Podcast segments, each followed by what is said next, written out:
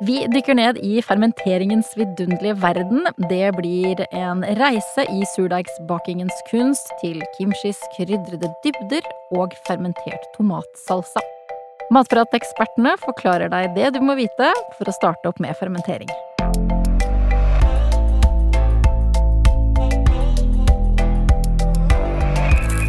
Velkommen til Matpratpodden. Jeg heter Katrine Ude, og sammen med meg er det som vanlig to matprateksperter i studio. Det er deg, Cecilie Maske. Hei. Og Anette Fjelleng Hansen. Hei, hei. Begge er kokker og matfaglige rådgivere i Matprat. Hva er det siste dere fermenterte hjemme, da? Jeg har faktisk fermentert denne uka. Å, hva da? Eh, Nei, altså, jeg har jo lenge vært på surde- surdeigsbølga, men eh, Det har vi merket. Det, har- det har vi merka, ja. ja. Eh, Den har ikke vært så aktiv nå i sommer, men, men eh, jeg lager jo støtt og stadig litt sånn store porsjoner eh, og fyller på glass med kimchi, for det elsker jeg. Det kan, altså, du kan ha kimchi til alt, egentlig. Jeg vet ikke om dere har tenkt på det før, men det funker til det meste. Så jeg har faktisk eh, laga en ny batch med deg, da. Og du da, Cecilie, har du fermentert noe i det siste? Det er en stund siden, men jeg har laga mitt eget fenalår, og det er jo en fermenteringsprosess. Og det ble jækla godt. Mhm. Mm, kan ikke du ta med på, på Matprat en dag, så jeg får smake? Først marinert i honning og urter, og så er det, og så er det salta, og så er det har det hengt til eh, modning og tørking etter det, og det ble knallagt, knallegodt. Mm. Mhm. Kan dere forklare, for de som ikke allerede veit det, hva er fermentering?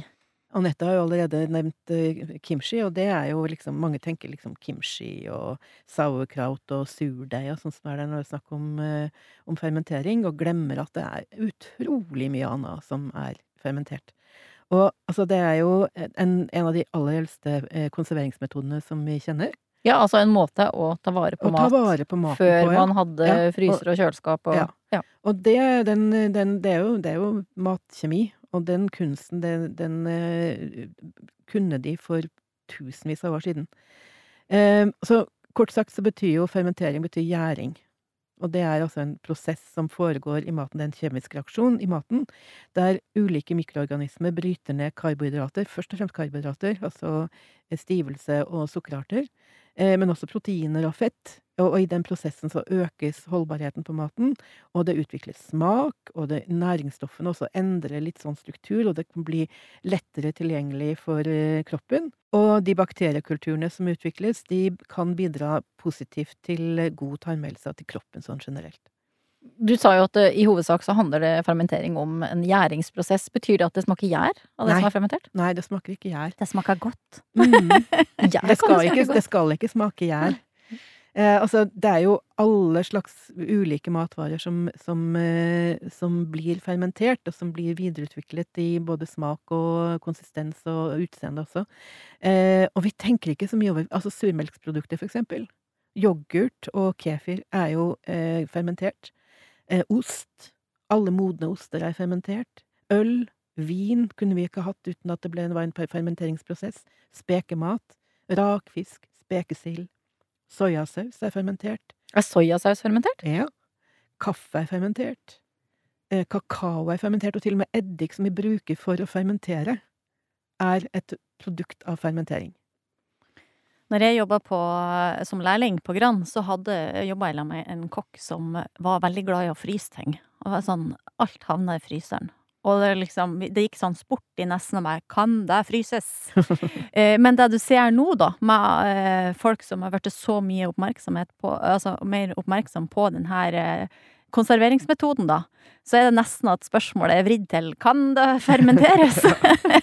For at eh, eh, vi ser jo både i søk og i, i liksom interesse for de her eh, gamle teknikkene, så er det liksom eh, eh, så mye mer det, Man kan gi råvarene så veldig mye mer, da. Mm. Man kan liksom leke seg med den der teksturen og få ulike smaksnyanser og kombinere ulike råvarer og i fermenteringa, da, som gjør at man får en sånn enten en, eh, en helt ny eh, Mm. smak, eller en eh, Ja, smaker en del råvarer som man ikke Ja, gir deg, gir deg litt bredere respekter, da. Ja, ikke sant? Og jeg har jo Jeg leser jo nå eh, Nomas guide til fermentering, eh, faktisk. Eh, ikke så lenge siden jeg begynte, så jeg ikke kommet Vi må ta en podkast seinere, for det her blir på en måte the basics, tenker jeg vi skal snakke om i dag. Men, men eh, det å, å drive eksperimentering, da, så lenge du Vi skal gå litt inn på det med eh, viktige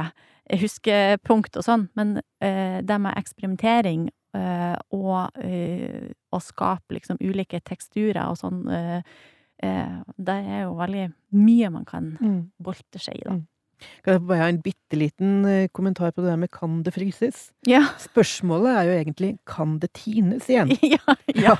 Uh, ja, jeg synes Ja. at eh, Jeg vet ikke om jeg skal si det høyt, men det var liksom nesten på den Jeg spør har du tenkt å fryse mora di òg, eller? Hvordan er det?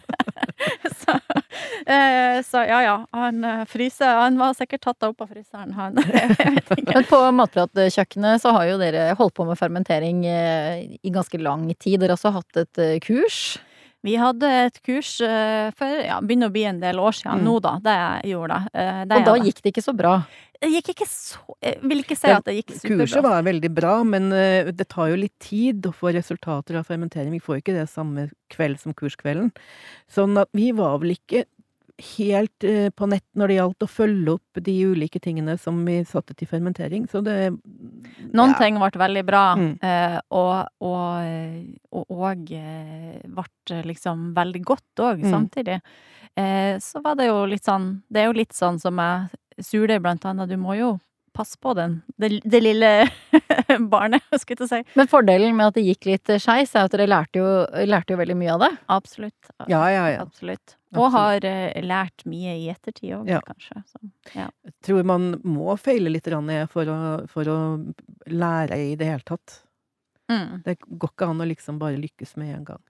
Surdeig er jo da en eh, måte hvor man bruker fermentering. Mm. Mm. Eh, og det har blitt supertrendy, Anette. Du har vært på surdeigskjøret lenge. Det fins på store forum på nettet Ja. for surdeigsinteresserte. Vi vet at eh, Torunn, kollegaen vår som er i Opplysningskontoret for brød og korn, er jo også veldig opptatt av surdeig. Mm. Eh, Vi har jo òg noen surdeigspodkaster som er mulig å høre. Det har vi også.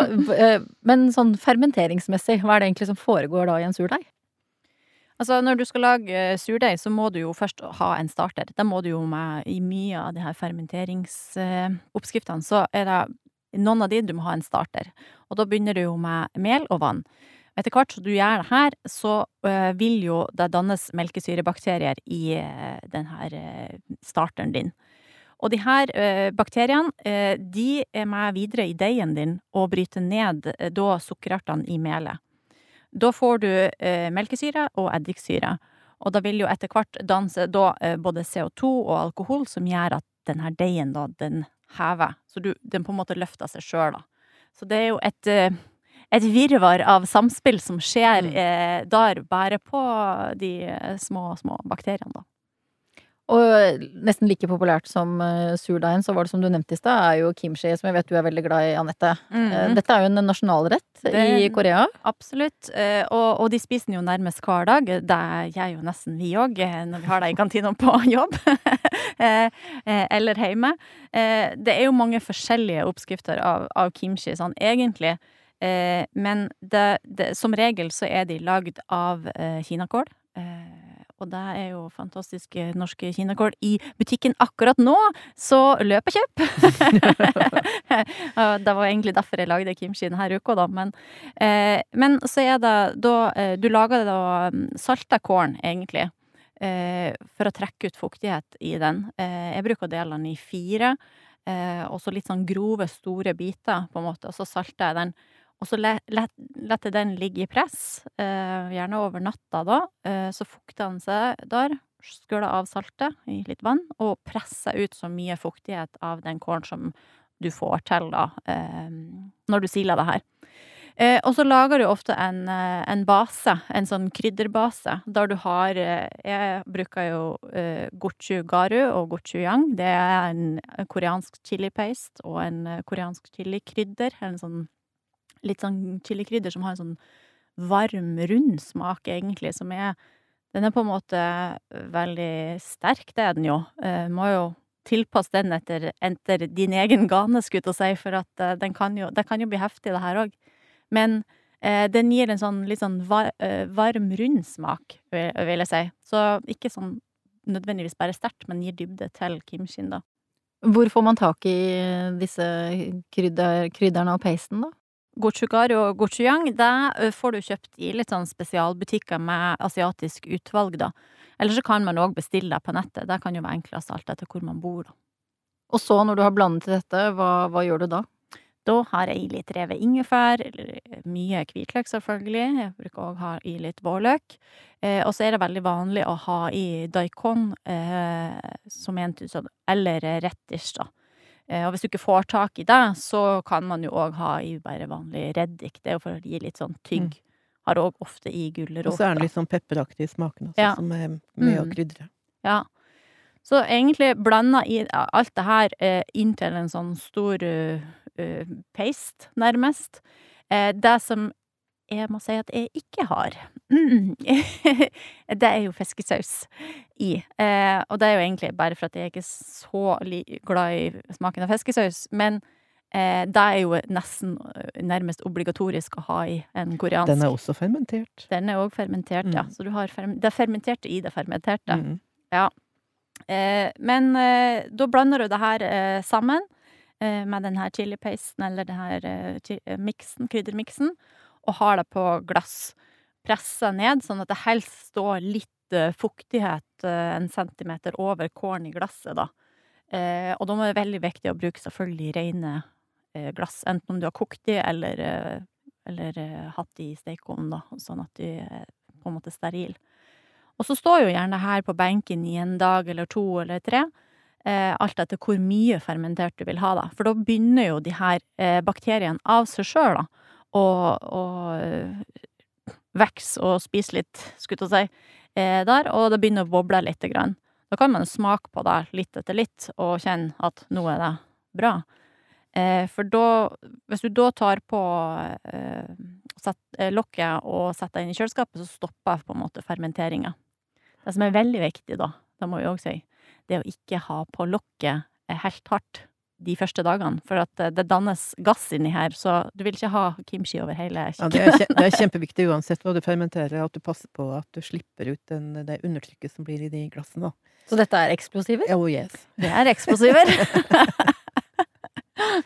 Så i Sør-Korea så har de kimshin. Hva er det vi har av eh, typisk eh, fermenteringsrett i Europa da, Cecilie? Jo, det er jo det flotte søskenbarnet til kimshin, det er sauerkraut. Eh, Er det det samme som surkål? Eh, Ja, altså, det, det, det er jo en fermentert surkål. I Norge så koker vi jo surkål uten å drive og, og, og syrne eller, eller gjære den først. Men eh, sauerkraut i eh, Tyskland, Østerrike og veldig mange, altså fra Baltikum og hele veien eh, inn i Russland og alle de landene der, de har sine versjoner av sauerkraut. Eh, som er skikkelig, skikkelig tradisjonskost, og som brukes til eh, masse ulike retter. Som basis, eller som tilbehør til ulike retter. Mm. Og det er jo, utgangspunktet der er jo enten rødkål eller, eller vanlig sånn hodekål. Eh, og, og salt. Egentlig så er det nesten det eneste du trenger som et utgangspunkt. Og så kan man selvfølgelig blande inn masse forskjellige andre grønnsaker. Revne grønnsaker, altså eh, gulrot eh, eh, Med reddik der også. eh, andre rotgrønnsaker. Smakte en gang eh, med eh, rødbeter og Ja. litt anis i, faktisk. Ja, ikke sant? Og det Nydelig. var så godt. Stjerneanis, da. For Ja, det ble ja. litt sånn lakrispreg på det. Ja. Mm. Og da, da er det finsnitta. Og så må man massere på en måte, eller altså stampe den her kålen for at den skal begynne å slippe væske. Eh, og når den begynner å gjøre det, så du får i gang liksom en sånn der, eh, sånn der eh, sånn prosess med at den, den gir slipp på, på væsken sin, så stapper du den i glass. Og, det vanligste er jo å bruke glass til fermentering i Norge og i Europa. Og så, så skal det være ordentlig tett. For en, den fermenteringsprosessen er anaerob, altså den skjer uten oksygen. Så det er viktig at du får det så tett som mulig. Eh, bruke en sånn eh, tresleiv eller en sånn der stamper til å få det ordentlig, ordentlig tettpakka. Eh, og pass på, akkurat som med, med kimshin, at eh, væsken dekker grønnsakene godt. kan legge et sånt kålblad på toppen for å holde alt sammen på plass. Og så legge et lodd på toppen der igjen. Men den væsken du snakker om, hva, Ja. hva er det du heller på, da? Nei, heller ikke på noen ting, for det er mye væske i kålen. Men Anette, når hun lager kimchi, så presser jo du Du presser ut for å få Mm. ut det vannet, Ja. du, og det siler du av, så du bruker det, eller ikke? Eh, nei, eh, nei, altså, men, men samtidig, den vil jo hele tida. Du greier ikke å få den, den- helt Det er masse, masse Det er mer vann i, i, de- i grønnsakene enn det du tror. Så Mm, det ja. kommer hele tiden vann. Eh, og så det, det, er liksom, det er faktisk det som er utgangspunktet, da. Men du eh, bruker jo melke, altså, melkesyrebakterier. Ja, det må vi ikke glemme. Vi må ha i litt myse, for eksempel. Mm. Litt eh, melkesyrebakterier. Og det kan man også lage sjøl ved å helle litt yoghurt eller kefir eller noe sånt i et eh, kaffefilter og sile av, og så bruke den væsken som kommer ut. Og det, er- det er jo den som har melkesyrebakteriene, som setter i gang gjæringsprosessen. Og så er det egentlig bare å passe på, nok en gang, at lokkene ikke er skrudd godt på. At glassene man bruker er skikkelig rene. At, eh, at grønnsakene ikke alltid er dekket av, eh, av eh, væsken, av laken. Og at det ligger et eller et sånt lodd på for å holde alt sammen på plass. Og så er det å sette det på kjøkkenbenken og la det stå til det liksom kommer ordentlig i gang. Jeg skal gi et lite stalltips òg, faktisk. For av erfaring så er det lurt å ha noe under de glassene Det er sant! For det kan at, godt boble boble det kan over. boble over her, Mm. sånn at eh, du ikke får masse Da kan det bli ganske sølete. Ja. Det vil vi ikke ha. Men uh, en annen ting, da, når vi var på det her kurset, uh, så prøvde vi faktisk Det var faktisk en av mine favoritter på som vi satt igjen med på det kurset. Den, en, uh, ganske, en fermentert eh, tomatsalsa. Og det er jo perfekt å ha til fredagstacoen, tenker jeg. Eh, eller om du har taco på en tirsdag òg, da. For du kan jo bare lage et, eh, et eh, stort glass med det, og det kan jo stå eh, veldig lenge. Um, og der hadde vi altså rødkål eh, samme, sammen med litt rødløk, litt og masse tomater. Eh, nå er det jo veldig sesong òg for både rødkål og tomater, eh, som er veldig god på smak. Og så selvfølgelig hvitløk og, og litt koriander eh, der òg, ja. Eh, og da eh, litt sånn samme. Finhakka, fin, fin, finhakka. Press ut da den her væska av korn, spesielt. Og da vil jo selvfølgelig tomaten væske seg litt òg. Men blanda med litt sånn myse i der, så får du òg satt i gang denne prosessen. Det er bare Mm. en eller to dager på En dag eller to dager på benken. Eh, så før du setter deg i kjøleskapet, da, så har du jo tomatsalsa som er Smaker veldig sånn fresht og Mm. digg, egentlig. Hva er egentlig forskjellen i smaken da på en sånn fermentert tomatsalsa og en vanlig salsa? Mer smak. Ja, både Mm. mer smak, men du òg får litt sånn her eh, Hvis du er glad i sånn syrlige ting, eller sånn sylta ting og, og sånne ting, så så jeg syns i hvert fall at eh, du får en sånn syrlighet i det, og litt sånn djupere og, og mer Mer smak, Mer rett og slett. utvikla smak. Ja. Mm. Mm. Så har jeg da dette glasset Mhm. stående på benken, enten om det er med sauerkraut eller med kimchi eller med fermentert tomatsalsa. Mm. Hvilke tegn skal man se etter for å vite at ok, nå, nå er jeg i gang, fermenteringen skjer? Ja, nå er jo temperaturen et avgjørende punkt her, da. Når det står på kjøkkenbenken og i romtemperatur på sånn 20, par og 20 grader, så vil du i løpet av ganske kort tid se at det begynner å danne seg bobler nedi, nedi der. Og så kan den også bli litt sånn, hva skal jeg si, litt sånn blakk i, i fargen. At det ikke, at, at det liksom ikke, ikke blir gjennomsiktig væske lenger. Men at den, den begynner, det begynner å skje noen ting i den også. Men det aller viktigste tegnet er at det danner seg bobler. Som eh, Det er jo eh, karbondioksid som blir danna i, eh, i glasset. Og det er det som vi også må passe på at vi slipper ut, for ellers så blir det undertrykk, eller overtrykk, Mm. og så kan det gå i lufta. Det er jo òg noe med det at vi er Altså, på enkelte deler av året så er jo denne temperaturen ganske forskjellig i her, her til lands, da. Mm. Eh, og hvis man driver med fermentering, så må man Altså, er det 25 grader og stekende sol, så er den prosessen ganske mye kortere eh, Mm. om du skal lage surdeig, eller om du skal lage tomatsalsa. Så det er jo liksom det å hele tida ha en liten sånn sjekk på det eh, før du eh, har eh, gått over. Ja, det er ganske viktig. Og du kan jo også, hvis du gjør det fort, så kan du sette på baderomsgulvet. Det kan jo også ha, hva skal jeg si, katastrofale følger hvis du ikke passer på. Så, Tenk deg det, da. For kimchi eksplodert over hele badegulvet. er Dekker det. forsikringa det? Ja, Ja, Fandle meg høyt. Så det er i hvert fall bobler man Mm. skal se etter for å vite at nå, nå fermenteres det. Ja. Mm. Ja. Eh, hvordan vet man at det er ferdig, da? ja, da må du smake deg fram, egentlig. Da, jo, og jo, jo lengre det står, jo syrligere vil det bli. Eh, jo mer av sukkeret i, i eh, grønnsakene vil bli brutt ned, eller det du da fermenterer. Og, men når du liksom, når den smaken er sånn tilpassa din gane, så kan du stoppe fermenteringen, bare skru på lokket og så sette hele greia i kjøleskapet. Men når du Mm. skrur av lokket da for å smake, da mm. kommer det jo luft inn. Liksom. Nei, det, altså, det er, å ta det litt på toppen, det er ikke noe farlig. Det er Nei. ikke noe eh, sak i det. det er lurt å bruke rene redskaper da, på Mm. det du eventuelt tar ut. Sant? Eh, Ikke la samme gaffel stå i, i, i Mm. eh, glasset, liksom, og, og gå og smake litt underveis. Men bruk rene redskaper. Og det gjelder jo òg når du skal i det hele tatt starte med å lage det her. Det er jo det at du har god hygiene både på eh, benken og på hendene og på glassene og eh, på ikke minst òg eh, råvarene du skal Mm. bruke. At eh, det, du bruker ikke de slappeste, kjipeste eh, grønnsakene. De kan, du, de kan du lage en god tomatsaus Mm. eller en god, en god suppe av, men at du har friske, rene råvarer, skrelle, eh, skrelle for skje, du vil ikke liksom få noe kryssforurensning eller noe. Pass på at det ikke er jord. Mm. Det er jo kjempeviktig at det ikke kommer jordbakterier i dette. Og, og eh, sterilisere glassene, Mm. som jeg sa, enten med å koke de eller å ha de på 100 grader i stekeovnen i ei stund, sånn at du minimerer da eh, risikoen for å få noe uønska bakterier i det. Mm. Hva slags utstyr trenger man for å gå i gang med fermentering, da? Eh, noen eh, gode, fine glass er jo de, Altså, de her norgesglassene er jo helt super, eh, egentlig. For der har du jo på en måte både lokk du kan skru på, og de blir ordentlig tett med gummiringer og i det hele tatt. Eh, skal du lage mm, altså en surdeigstarter, så holder de meg egentlig et eh, rent og stort glass. Eh, den er ikke like avhengig av å ha det så sterilt, da.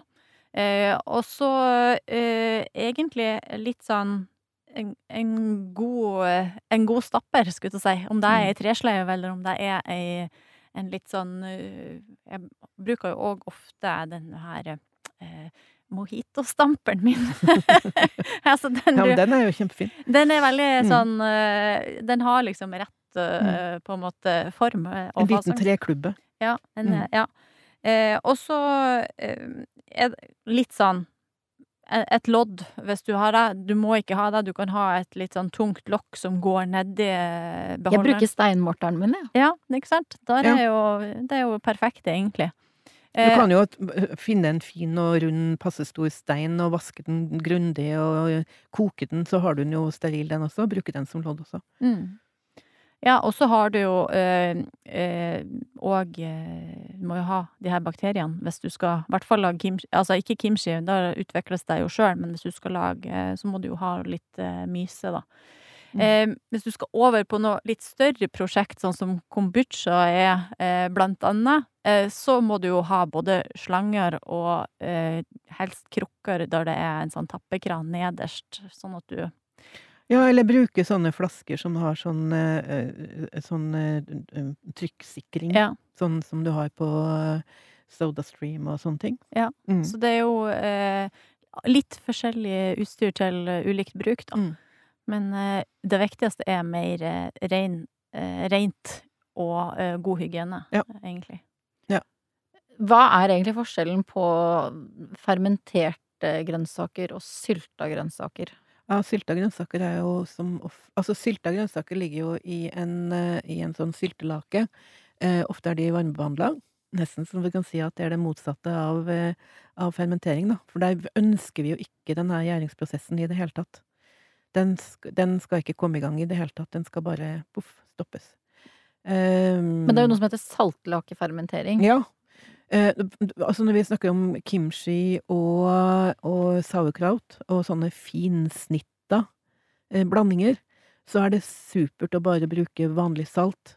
Eh, og det er en sånn tørrsalting for å få i gang den der hva skal si, vanning, vannprosessen med å, at vi slipper vannet i grønnsakene, da. Men saltlakfermenteringen bruker vi på litt mer sånne eh, altså hele grønnsaker, som hele tomater og grovkutta eh, altså agurk og tomat og løk og sånne ting, når vi skal fermentere det. Og da lager vi en saltlake og heller over. Og da er det akkurat samme prinsippet, egentlig, at det skal være, eh, det skal være uten luft. Altså at det så, så, så fullt av grønnsaker som mulig i et glass, og så på med den laken. Passe på at det alt sammen ligger under laken. Legge på eh, Bruke kålblad der også, og legge på press. Og så sette prosessen i gang ut fra det. Eh, du nevnte kombucha. Eh, hva er det det egentlig er for noe? Er det kanskje for veldig spesielt interesserte, eller er det noe som hvermannsen driver med? Eh, ikke noe som hvermannsen driver med, tror jeg. Jeg tror mange har smakt det, for det er jo mange alternativer å få kjøpt ferdig, og det er jo den enkle veien som de fleste driver på med. Men det er jo drikkevarianten av fermenterte, de fermenterte godsakene Eh, kan man si. Vi prøvde oss jo på ingefærøl, eller ingefærkombucha, på vårt eh, kurs. Eh, den skulle jo stå i ti dager, og det var litt varmt den sommeren og litt sånne ting, så den burde kanskje ha stått i seks, jeg vet ikke. Den ble veldig, veldig syrlig, i alle fall. Men det er jo utgangspunktet, en kombucha er jo utgangspunktet i en svart eller en grønn te. Og så blir den her da fermentert med hjelp av en eh, Scooby. Eh, hva for noe? En, eh, ikke en Scooby-Doo, men, men, en, en Scooby. Eh, det, eh, ja, hva det er for noe? Det er en slags kultur, på en måte, eh, som inneholder da gjær og, og bakterier. og det ser egentlig litt ut som en lite sånn brun lefse, eller hva, kan man si. Ja. Øh, Må man lage Scoobien sjøl, eller kjøper man Scoobien? Altså, du har, du har, eh, Det er mange som har Scooby-hotell. Eh, du kan ha, komme og få en Scooby. Du kan få kjøpt òg Scooby faktisk på enten en helsekost eller, eller, flere. Og det er faktisk et marked der ute på det store internettet, mm. der du kan liksom eh, få en avlegger av eh, en god venn, eller eh, sånn, da. Så det er litt sånn som uh, surdeigstarterne òg har delt seg videre via, via, via. Eh, så har du på en måte den her Den ligger som en sånn kake oppå blandinga av teen, eh, og så setter jo den her Altså, den setter jo i gang en sånn nedbrytingsprosess av det sukkeret som er i teen, da. Eh, og det dannes litt syre, og det dannes litt alkohol. og når det her står da i Eh, I eh, ca. ti dager, eh, var det jo mm. i hvert fall vi eh, hadde. Eh, så får du jo òg eh, en ny Scooby der, så du får en avlegger. Så bruker du den i neste gang du skal lage kombucha. Mm. og da får du jo på en måte en, en base, da. Jo lenger den står, jo syrligere blir den, og her må man jo på en måte smake seg litt til òg. Men da får du en sånn grunn grunnoppskrift, mm. nærmest, da. Eh, og den som er litt sånn syrlig, boblete uh, te uh, du kan drikke. Uh, den kan du òg kombinere med for eksempel å ha i bringebær eller ingefær, da. Da blir den veldig god. Eh, så der er jo Man kan smaksette i ulike retninger og prøve seg fram.